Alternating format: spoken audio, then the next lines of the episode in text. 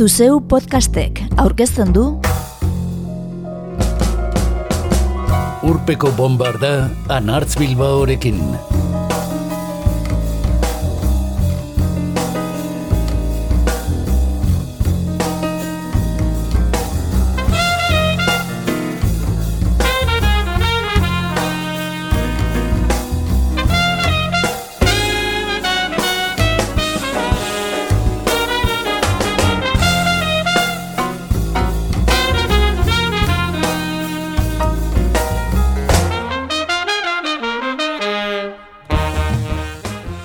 Urpeko bombardan gaur Kate Bush ezagutuko dugu. Iban Zaldua maixuari esker. Ezaguna da irakasle eta idazle donostiarra musikazale amorratua dela. Aldika-aldika musikari buruz idazten duena berria egunkariko elefanteen zimiterioa atalean. Gozatua izaten dira idatziok, asko ikasten baitugu beraiekin. Eta entzungo ditugu The Wombats, The Future Heads, Cecil McLaurin Salvant eta Jakina Kate Bush.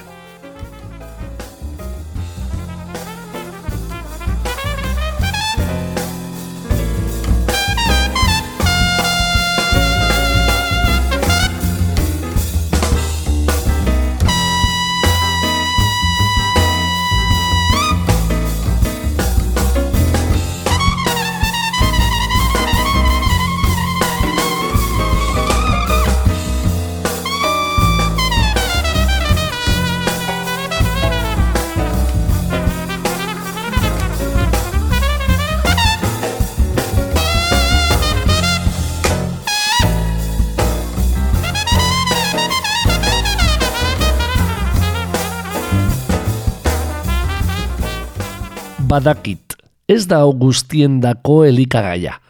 Eta nire irudizkoen zaila honela berpistea, are gehiago rokaren eriotza gero eta gertakari nabarmenagoa delarik, ez da ziurrenik egin nezakeen mugimendurik inteligenteena. Dio Iban Zalduak Kate Bushen irudizko aurkesterakoan. Gainera, ez dut aukeratuko zein eta azken aldi honetan fama itzuli dion The Hounds of Love albuma. Mila bederatzen da laro gita postekoa. Netflixeko Stranger Things telesaileko laugarren denboraldiak kantaria belaunaldi berriei deskubrira arazi diena. Running Up the Hill abestiaren bitarte zain zuzen ere berrogeita urteko karreraren ostean, lehenengo ziritzi da estatu batuetan zerrenden lehenengo postura, 2008 bian. Gizonek eta emakumeek elkar ulertzeko dituzten zailtasunez mintzoei da muinoa igotzen. Iaz izan zuen bizi berritzearen ondotik Liverpooleko The Wombats indie rock taldeak egin zion berrirakurketan entzungo duguna.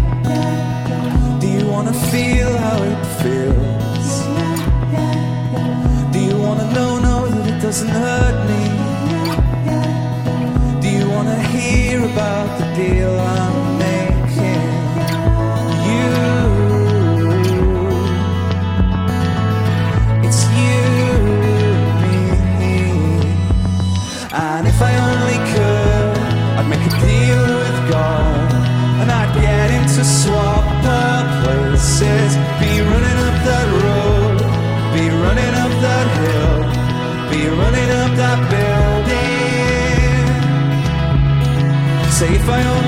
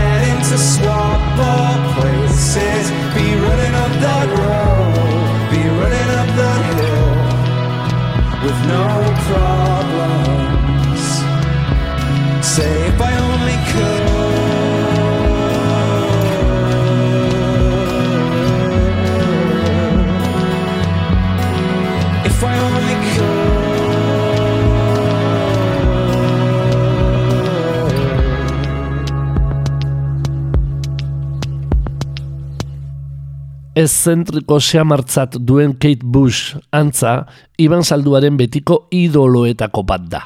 Berak aitortu duenez. Britania handian jarraigo zabala eta nahikoa transbertzala biltzen du, dio salduak.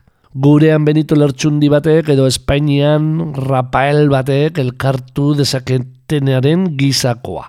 Han izan naizenetan konprobatu ahal izan dudan bezala, harridura pixka batez, dena delako ezoikoa busengan.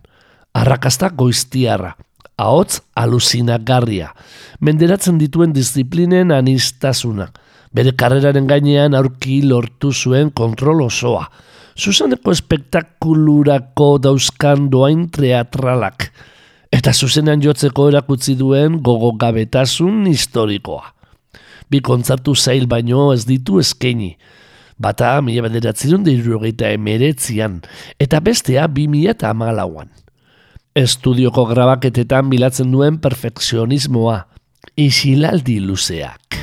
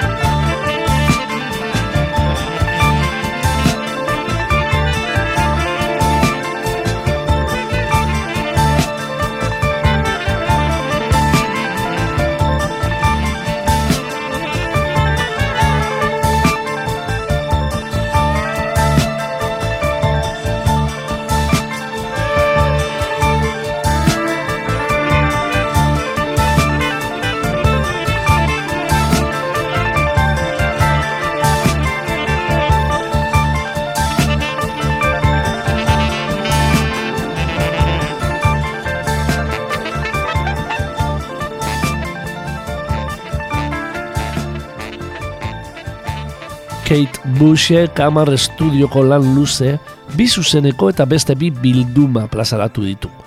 Eta hiru hauesek ditu kutsunen iban salduak. Mila bederatzerun da irurogeita mazortziko The Kick Inside, mila bederatzerun da larogeiko Never Forever, eta 2008ko 50 Words for Snow. Lehen biak, Emmy diskoetxean eta azkena Fish Peoplek argitaratua. Ez da oso normala, salduaren aburuz, ez da gutxiago ere, Emi bezalako diskoetxe garai batean algustidunarekin kontratu bat sinatzea amazazpi urte eskas dituzula. Egia da Pink Floydeko David Gilmourekin grabatu zuela horretan eraman zuen maketa. Bush familiak, oso musikala bera, kontatu onak zeuskan mundutxoan. Baina diskoetxearen talentu iztariek zer edo zer sumatu izan ez balute nekez egingo zuen aurrera kontuak. Izan ere, mila bederatzen dut mabostean grabatutako kanta haietako bik, The Man with the Child in His Eyes, gero single bihurtu zena, eta The Saxophone Songek, LP-an amaitu zuten. Lehen xeago entzun dugu azken hau, The Saxophone Song. Orain berriz, The Man with the Child in His Eyes entzungo dugu. I hear him before I go to sleep and focus on the day that's been. I realize he's there when I turn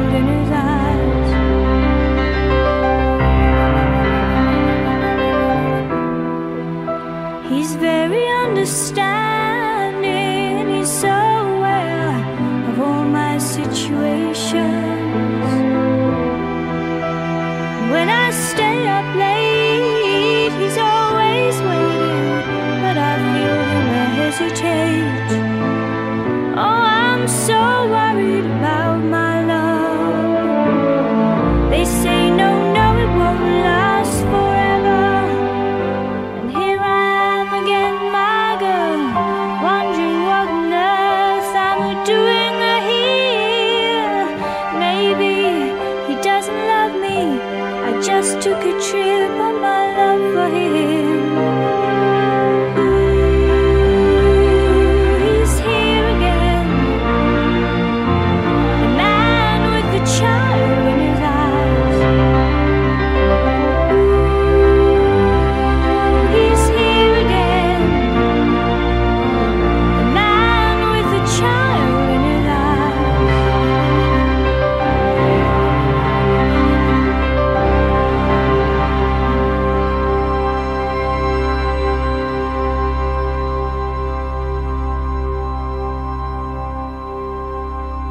Berria egunkariko elefanteen zimiterioa atalean jarraitzen dugu. Eta honela dio bertan salduak. Bush zuhurra zen. Eta kontratu eskuan izan da ere, bi urteko tarte hartu zuen gainontzeko abestien grabaketari ekiteko. Bere formazio musikala eta dramatikoa osatu nahi zuen lehenago.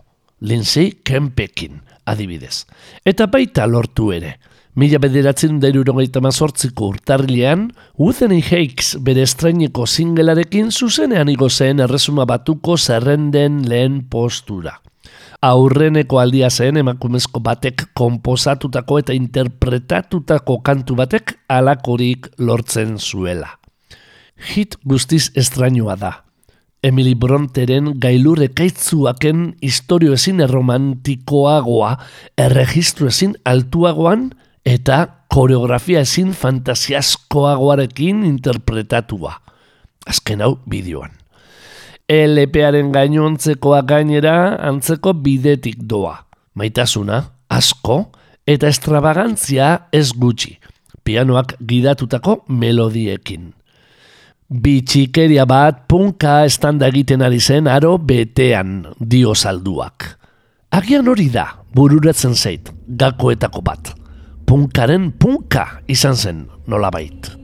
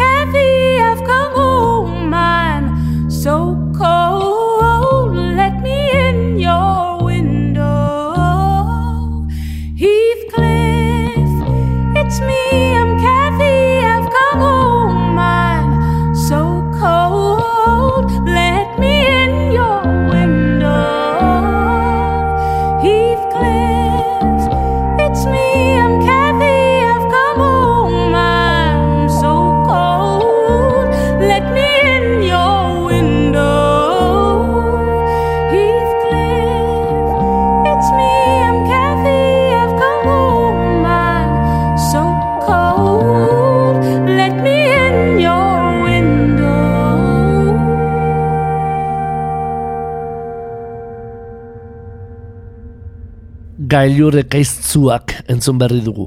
Zer eta Cecil McLaurin Salvant jazz kantari finaren ahotzean. The Kick Inside, Kate Bushen debut lanari buruz esan beharrekoak esan da, mila bederatzen da larogeiko Never Forever hartu du ahotan salduak. Lehenengo diskoa, ekarri zuen guztiagatik, saiestezina zen zerrenda honetan. Baina hau, Bushen hirugarrena, arrazoi pertsonalagoen gatik ekartzen dut ona. Nik honekin egin nuen artistaren ezagutza. Institutuan nenbilela, eta seko errendituta utzi ninduen. Musikalki komplexuagoa da. Nabaritzen da Bush Firelat CMI-arekin jolasten hasi dela. Sintetizadore bat bere urrengo bi diskoetan, The Dreaming eta The Hound of Love arrakastatzuan, are protagonismo handiagoa izango duena. Ez dezagun ahaztu synth-poparen astapenetan geundela.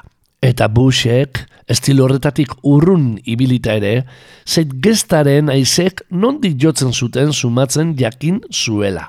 Ze, izan ere, abeslariak erbitzat saltzen digu katua.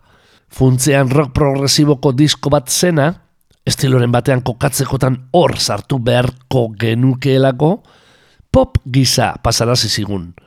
Rock progresiboa edo sinfonikoa, hemen ezagutzen zen bezala, erabat desprestigiatuta zegoen une batean. Jokaldi bikaina.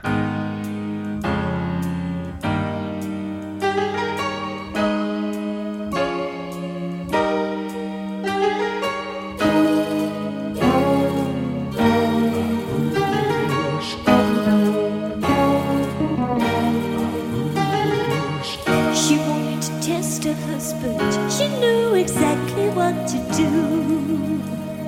A pseudonym to fool him, she couldn't have made a worse move. She sent him scented letters, and he received them with a strange delight.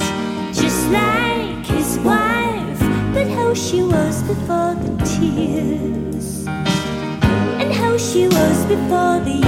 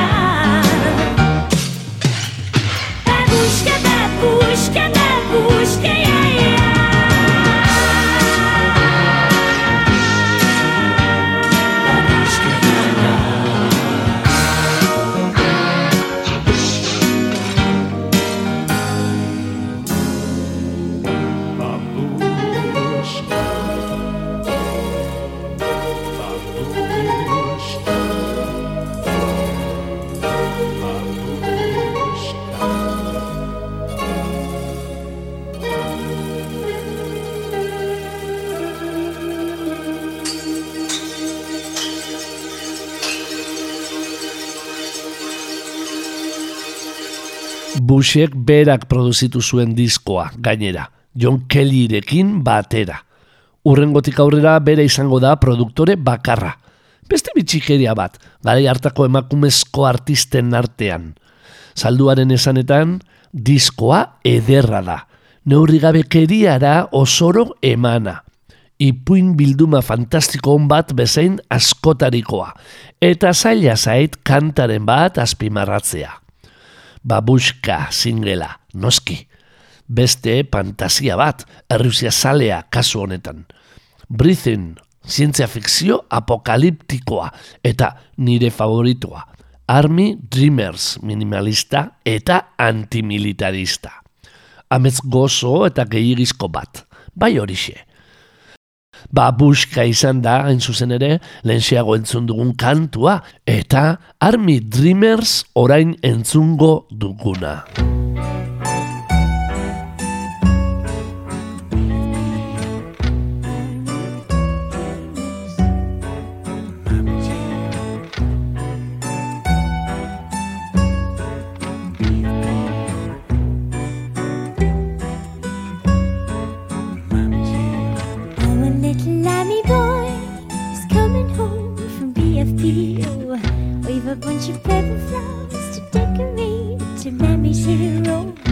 Morning in the aerodrome, the weather warm, he's colder. For a man in uniform to carry home my little soldier. Could he do? Should have been a rock star. But he didn't have the money for a guitar. Should have been a politician. But he never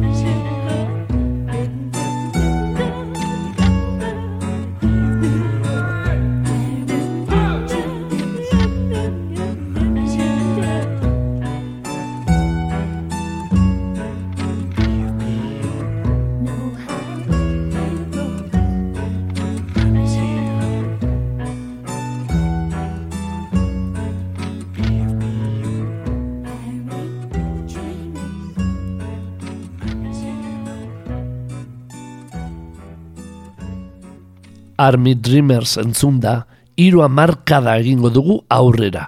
2008ko 50 Words for Snow diskoari erreparatzeko. Lau estudioko disko, arrakasta otxenteroa, laprastada txiki bat, mila bederatzen undalaro eta meiruko The Red Shoes, printzerekiko gehioizko maitasuna izurtzen zuena, arrezkotzua izan ohi dena printz ez bazara, eta baita printz izan da ere, maiz. Eta isiltasuna. Ez zuen beste disko bat argitaratuko 2000 eta bostera arte. Arial. Nahiko uste kabean pasatu zena. Bitarte horretan, amatasuna. Karrera hiltzaile oikoegi hori. Eta zein Britaniarra erretiroa kotax batera.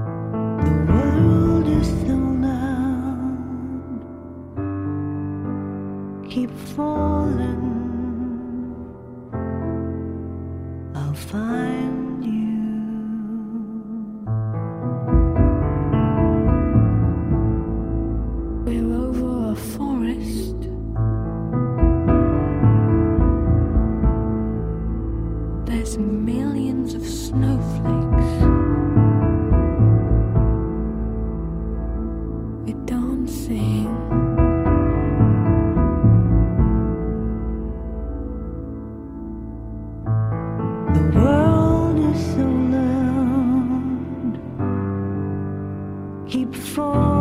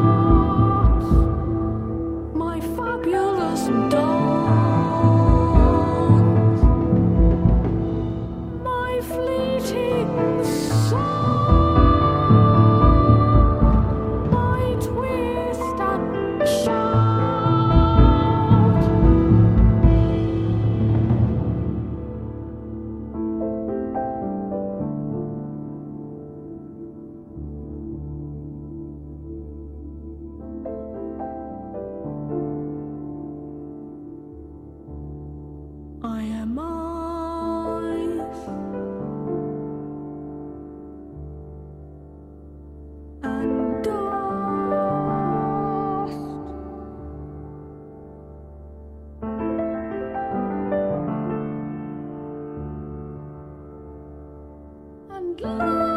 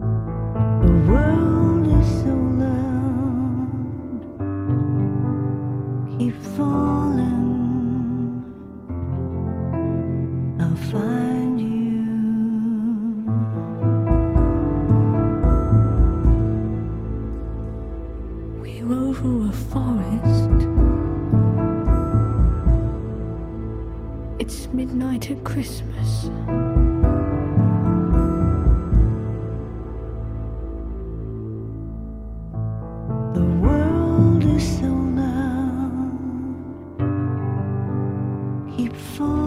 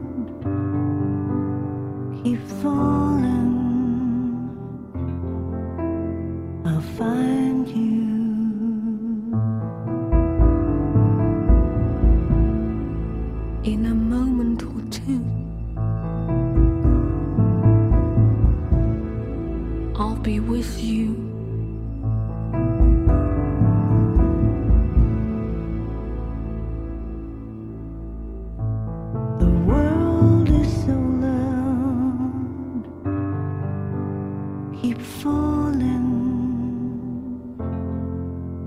I'll find you.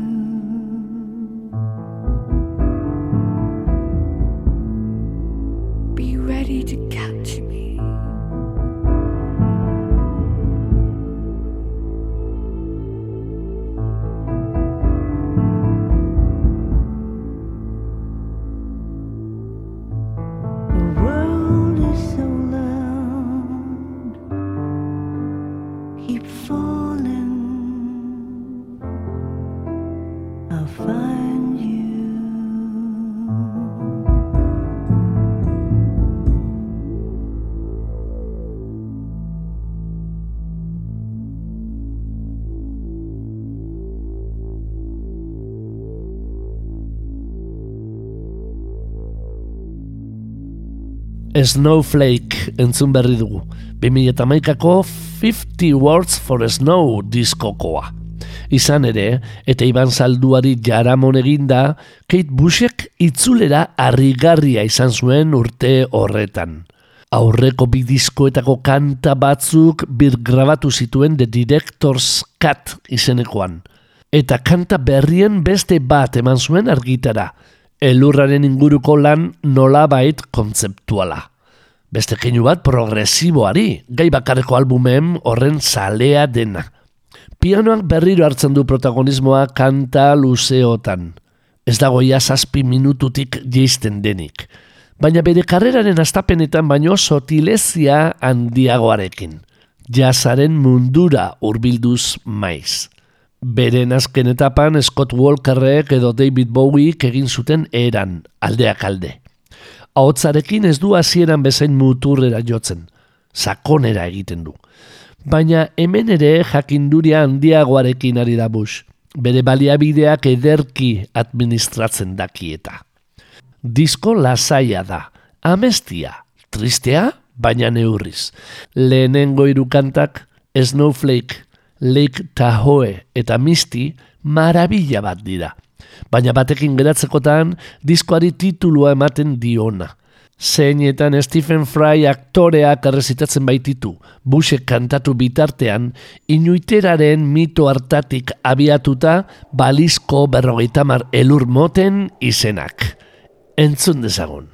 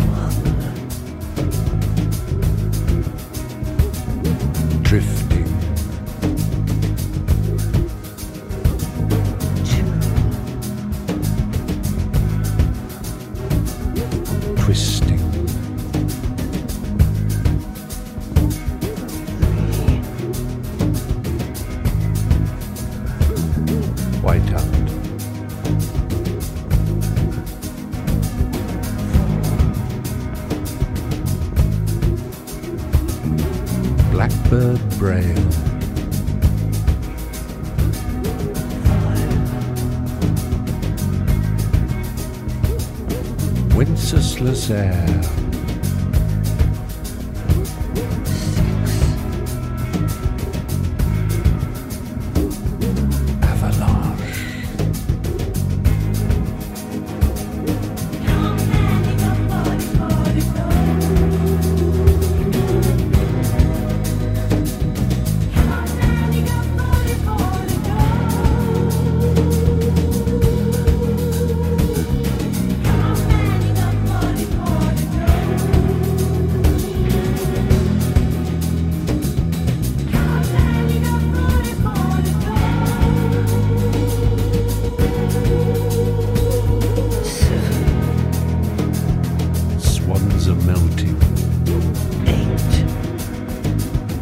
Diamondi Pavlova.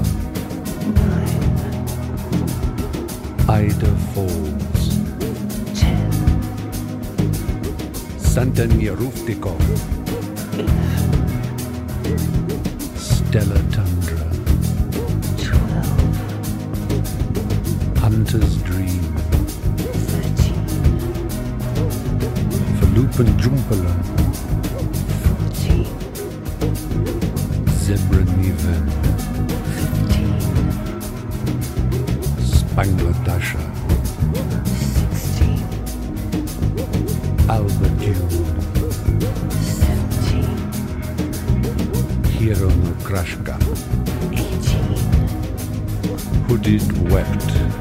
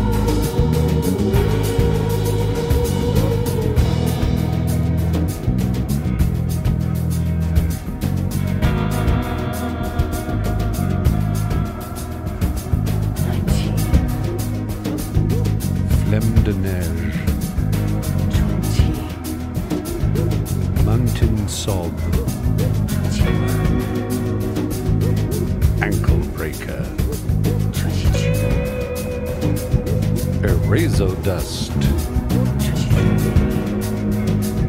Schnamister Flotten, Terra Blizzard, Qualissimo, Vanilla Swarm, Icy Skidski,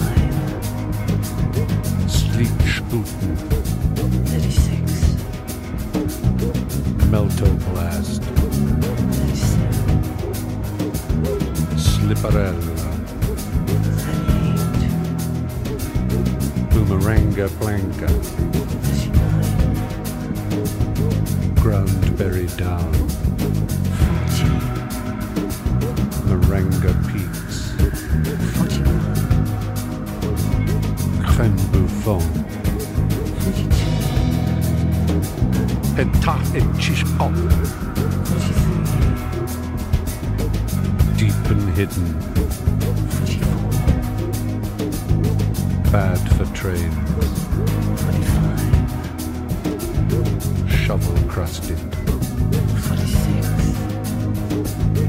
Anechoic, Blown from Polar Fur,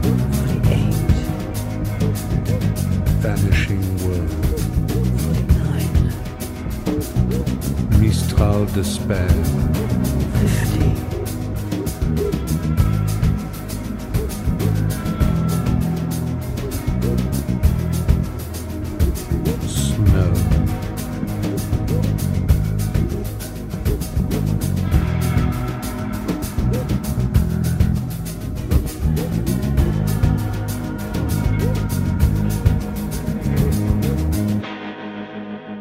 Art poparen ordezkari nagusinetakoa dugun Kate Bush ezagutu gura izan dugu gaur. Kent inguruan orain irurogeita urte jaiotako artista. Iban Salduak berri egunkarian emandako azalpenak ardatz hartuta. Eta bere kanturik entzunenetakoei beste talde batzuek egindako bertzioak ere izan ditugu entzungai. Cecil McLaurin Salvant jazz musikariak eta The Wombat indie rock taldeak eginak berbarako. Hirugarren bat ere badugu prest, gaurko saioa agurtuko diguna.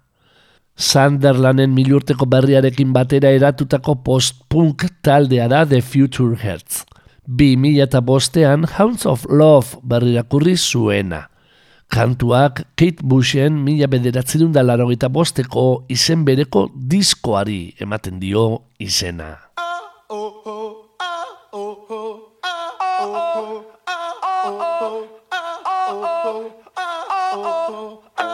When I was a child, running in the night, I was afraid of what